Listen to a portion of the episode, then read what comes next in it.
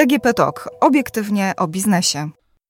Brexit stał się faktem. Co to oznacza dla polskich przedsiębiorców? Jak teraz będzie wyglądał transport? Co z jego bezpieczeństwem? Dzień dobry, Agnieszka Gorczyca, Infor.pl. Gościem podcastu Obiektywnie o biznesie Moja firma jest Sebastian Sadowski-Romanow, prezes zarządu Intro Spółka ZO. Dzień dobry. Dzień dobry, Pani Agnieszka. Panie Sebastianie, e, pan ma wieloletnie doświadczenie, jeżeli chodzi o tą działalność importowo-eksportową i generalnie mm, na rynku międzynarodowym. Czy Brexit był dla pana zaskoczeniem, czy nie? Czy Brexit dla mnie miał podłoże polityczne, nie ekonomiczne akurat bardziej i nie do końca był dla mnie zaskoczeniem. Ja uważałem, że akurat jest to mm, słuszna decyzja dlatego że Anglicy dążyli do tego, żeby mieć jednak większą kontrolę nad własną gospodarką. Także Brexit dla mnie ma różne podłoża, a jeżeli mówimy o podłożu ekonomicznym, mieliśmy taką intensyfikację tych negocjacji o podpisaniu umowy handlowej między Wielką Brytanią a Unią Europejską.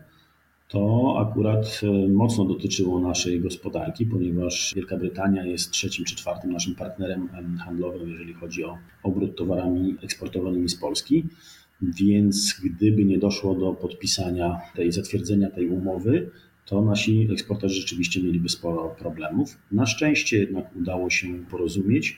30 czy 31 grudnia tak wstępnie zaakceptowano warunki umowy e, handlowej między Wielką Brytanią i Unią Europejską. No, umowa handlowa jest e, podpisana. Fakt, to są ostatnie mm, dni grudnia minionego roku, ale y, jeżeli patrzymy na statystyki, to nadal e, granice przekracza zdecydowanie mniej ciężarówek e, niż wcześniej. Jakie są perspektywy zmiany tych statystyk? Znaczy, trzeba zrozumieć jakby samą genezę tego, dlaczego, dlaczego w ogóle są cła czy granice celne. E, najczęściej jest to stosowane po to, żeby chronić własną gospodarkę i, i, że tak powiem, utrudniać innym podmiotom wejście do tej, do tej gospodarki. Ale jeżeli weźmiemy pod uwagę, że e, państwa zachodnie, takie jak Wielka Brytania, wysoko rozwinięte, dawno swoją produkcję ciężką, przemysłową poprzenosiły do innych krajów i tak naprawdę wiele, e, większość gospodarki stanowi sfera usługowa, to okaże się, że nie do końca jest co bronić.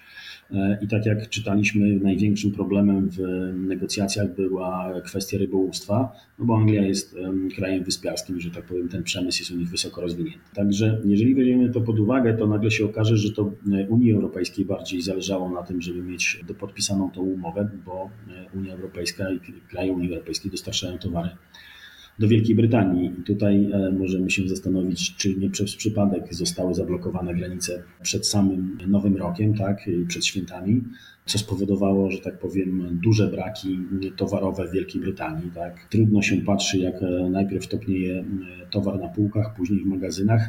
Tysiące ciężarówek stoi jeszcze na granicy, nie jest wpuszczane. Mamy okres świąteczny, tak, okres sylwestrowy i, i, i brakuje nam towarów na półce, więc to pokazało, że można szybko usiąść do stołu i się dogadać. A dlaczego to jeszcze nie wróciło do normy? No bo no musimy sobie jednak uświadomić to, że nie było żadnej pewności do, do, 30, do podpisania e, tej umowy że ta umowa będzie podpisana, więc trudno jest produkować towar, trudno jest go wysyłać, mm, e, że tak powiem, nie mając pewności, że on przyjedzie e, na miejsce, dotrze w określonym terminie, że e, kontrahent zechce za niego zapłacić i tak dalej, i tak dalej. Dlatego myślę, że dzień do, no jeszcze te dwa tygodnie nowego roku mamy te perturbacje, zanim, że tak powiem, wszystko wróci do normy. Pana zdaniem, z Pana doświadczenia wynika, że jakie wyzwania w tym momencie stoją przed przewoźnikami? Czy na pewno delikatna zmiana, y, jeżeli chodzi o, o sposoby y, wypełniania y, tych dokumentów celnych, tak? no bo wcześniej mieliśmy absolutnie przepływ towarów wewnątrzunijny, tak? gdzie wystarczyły dokumenty przewozowe. Dzisiaj jednak jest, jest e, umowa, ale jednak e, kontrola celna już będzie obowiązywać. Tak? Więc towary będą musiały też e, zostać odprawione przez urzędy celne, tak? będą stworzone odpowiednie dokumenty celne, a nie tylko dokumenty przewozowe. I to jest jakaś. No i oczywiście to wydłuży jakiś tam termin dostarczenia tego towaru, no bo e, w tej chwili nie pojedziemy bezpośrednio do, do kontrahenta, będziemy musieli odwiedzić jeszcze urząd celny. Mm, trudno mi powiedzieć, nie jestem ekspertem, na ile e, system EORI e, był wdrożony w Wielkiej Brytanii, czy, czy umowa o, o wolnym handlu podpisana z Unią nadal będzie, że tak powiem, te wszystkie numery wyrobione wcześniej w Unii Europejskiej respektować, czy przedsiębiorcy będą musieli w Wielkiej Brytanii na nowo wyrobić sobie jakieś odpowiednie pozwolenia importowe tak, czy, czy właśnie nadać sobie te numery. Także tutaj mm, to, na to należy obserwować jakby rynek Wielkiej Brytanii, ale no, tak, jak, tak jak powiedziałem, to raczej e, Brytyjczykom zależy na tym, żeby do nich towar e, przypływał, niż na tym, e, żeby zabezpieczyć swój rynek przed ekspansją zagranicznych konkurentów. A co zmieni się w takim razie w kwestii bezpieczeństwa transportu? Czy tutaj będą nowe wymagania? Na co należy zwrócić uwagę? Tutaj nie sądzę, e, że tutaj też dokonają się jakieś wielkie zmiany, e, dlatego że e, nie, nie ma takich podstaw. Tak? E, więc e, nie sądzę, żeby tutaj e, sam, sam transport czy bezpieczeństwo tego transportu uległo zmianie. Raczej to, że mieliśmy właśnie takie duże nawarstwienie podczas blokady, że tak powiem, przeprawy do Wielkiej Brytanii, ono spowodowało to, że firmy musiały, że tak powiem, dzisiaj zastanowić się nad tym, czy już dziś wysłać te towary zamówione, czy nadal je produkować, czy jednak poczekać jeszcze tydzień czy dwa na uspokojenie się sytuacji. Bo musimy zrozumieć, że jak nagle przez, no powiedzmy sobie, przez, do, do, do Wielkiej Brytanii przyjeżdża dziennie około 10 czy 20 tysięcy ciężarówek i nagle wszystkie stanęły pod, pod, przy granicach, no to, że tak powiem, ten korek kilkudniowy no to, to jest coś gigantycznego. To jest trudno nawet sobie wyobrazić. No, korek ciężarówek to jest e, jedna sprawa, natomiast jeżeli chodzi o mm, zatory płatnicze, to jest druga sprawa, dlatego że no, nie możemy pominąć absolutnie tej kwestii w momencie, kiedy skala problemów z płatnościami e, będzie rosnąć. E, jak w takim razie te płatności zabezpieczyć? No to jest bardzo ważny element, jeżeli chodzi o eksport. Ja zawsze staram się edukować naszych klientów, że czasy e, sprzedaży za gotówkę to, to, to, jednak czasy przeszłe.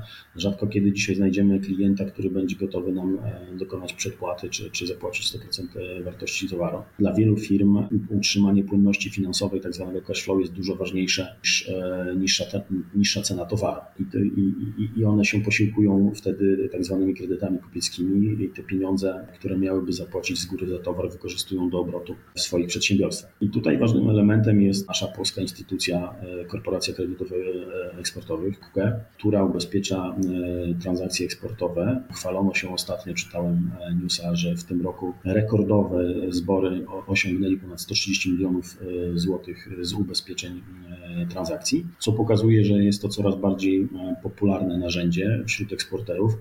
A co niesamowicie ważne, dzisiaj termin płatności dla klienta zagranicznego jest właśnie ważniejszy niż sama niska cena dlatego żeby ta transakcja była bezpieczna, ona powinna być ubezpieczona, czy, czy e, właśnie w tej państwowej instytucji naszej KUKE, czy w prywatnych e, firmach ubezpieczeniowych, takich jak na przykład Euler Hermes czy Cofis. Ale e, zalecam szczególnie dlatego, że mamy dzisiaj już, że tak powiem, kryzys gospodarczy na skalę światową, który powoduje, że te zatory płatnicze są coraz większe e, na wielu rynkach. E, firmy e, mają gorszą sytuację finansową, czy nie tak chętnie wydają pieniądze, przeciągają terminy płatności, dlatego warto jest korzystać z narzędzi finansowych, z narzędzi ubezpieczeniowych, żeby utrzymać tą swoją pozytywną płynność finansową i jednak być atrakcyjnym partnerem w eksporcie.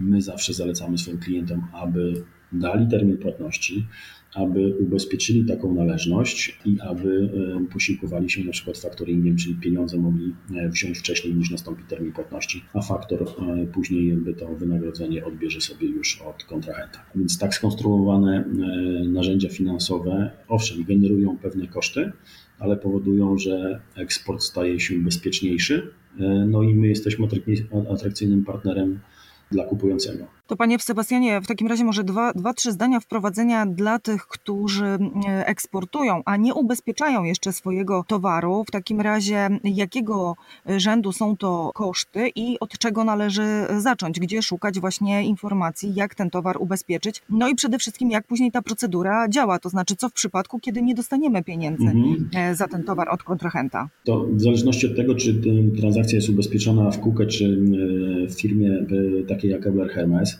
To są różne warianty. Ja może opowiem e, o takim, takim który my najczęściej używamy i polecamy naszym klientom. To są właśnie gwarancje czy ubezpieczenie w, w. E, dlatego, że KUKE ma to do siebie, że może ubezpieczyć pojedyncze transakcje, a nie cały wolumen. Czyli jak mamy nowego kontrahenta za granicą, to możemy ubezpieczyć taką transakcję. Co prawda jest tam ograniczenie bodajże do 200 tysięcy złotych, ale jednak te wolumeny sprzedaży eksportowej e, rzadko kiedy przekraczają te kwoty, więc możemy zabezpieczyć taką transakcję właśnie ubezpieczając tą, tą transakcję e, w KUKE. Znaczy koszty są różne w zależności od kraju, od wielkości ryzyka, jakie ma KUKE przyjmuje na siebie wolumenu tej transakcji. One się kształtują gdzieś na, na poziomie od 1 do 1,5% wartości, wartości tego e, zamówienia, ale ubezpieczamy, o ile dobrze pamiętam, 85% wartości kontraktu. Więc jeżeli nasza marża jest powyżej 15%, to tak naprawdę jesteśmy w stanie zabezpieczyć 100% wartości mm, towaru, wyprodukowanego towaru. Tak? W momencie, kiedy nasz kontrahent nie dokona płatności, to y, możemy wystąpić do KUKA o wypłatę y, ubezpieczenia. Taki proces trwa oczywiście tam do kilku miesięcy, no ale, y, że tak powiem, transakcja nawet niestety, jakby powiedzieć, nieudana, nie skutkuje tym, że firma na przykład sama straci płynność finansową, no bo wysyłając towar na eksport jednak wysyłamy zawsze spore ilości, czyli tam ilości przeważnie tirowe, tak czyli tira towaru, który jest warty właśnie w granicach 100 czy 200 tysięcy złotych. Dla mniejszej firmy taka, taka utrata e, towaru, niezapłac- niewywiązanie się kontrahenta z płatności może oznaczać naprawdę duże problemy, a, a jednak kiedy mamy to ubezpieczenie, możemy spać spokojnie. Jeżeli chcemy, mówię, otrzymać pieniążki e, wcześniej za, za wysłany towar, to możemy się wesprzeć jeszcze faktoringiem i te e, należności e, również uzyskać na przykład nie po 30 czy tam 60 dniach, w zależności od terminu płatności, a od razu po wystawieniu faktury tak naprawdę pójść do faktora i, i za kolejne tam procent czy półtora transakcji otrzymać płatność praktycznie od razu. No właśnie, więc w takiej sytuacji, kiedy te zatory płatnicze będą powstawać, w związku z tym, że ta skala problemów z płatnościami będzie rosnąć, warto ten, ten wątek jak najbardziej rozważyć. Ale ja chciałabym jeszcze na koniec zapytać Pana o jedną rzecz, dlatego że my w tym momencie rozmawiamy o eksporcie, o handlu, natomiast bardzo mało mówi się o wojnie handlowej. Kto z kim walczy i o co? Dzisiaj, e, dzisiaj wojna handlowa e, dotyczy e, starcia dwóch największych gospodarek na świecie Stanów Zjednoczonych i Chin. Na naszym podwórku mieliśmy e, przejaw takiej wojny, kiedy pod naciskiem e, Stanów Zjednoczonych Polska zrezygnowała z usług firmy Huawei w rozwoju sieci 5G w Polsce. I tak naprawdę taka fala tej walki z Huawei przetoczyła się przez całą Europę praktycznie. Musimy mieć świadomość tego, że Chiny są fabryką świata, ostatnia pandemia pokazała, jak bardzo niektóre sektory gospodarcze, niektóre kraje są zależne od produkcji z Chin. I nie mówimy tylko oczywiście o, o tym, co nam się kiedyś y, głównie kojarzyło z Chinami, czyli na przykład, nie wiem, tanimi, y, tanimi tekstyliami, ale ponad 70%, ponad 70% półproduktów potrzebnych do wyprodukowania antybiotyków pochodziło z Chin na przykład, tak? że Stany Zjednoczone importowały 70% tych surowców. Jakby w momencie, kiedy Chiny zamknięto z powodu pandemii, tak?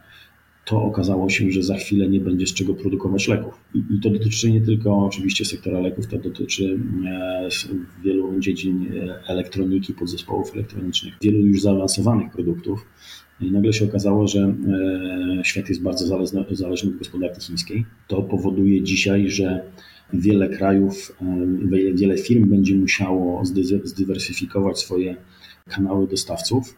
I to jest szansa dla polskich eksporterów, to jest szansa dla polskich producentów, aby właśnie w miejsce dostawców chińskich wchodzić e, ze swoimi produktami. Bo, bo tak jak powiedziałem, wiele, wiele krajów, wiele sektorów gospodarczych zrozumiało, że musi takiej dywersyfikacji dokonać. Bez względu na cenę. No oczywiście, a pieniądze, jak e, wiemy, zawsze odgrywają tutaj ważną rolę, żeby nie powiedzieć, że momentami najważniejszą. Dziękuję serdecznie za rozmowę. Gościem odcinka był Sebastian Sadowski-Romanow, prezes zarządu ITRO Spółka. Dziękuję serdecznie za rozmowę. Dziękuję również.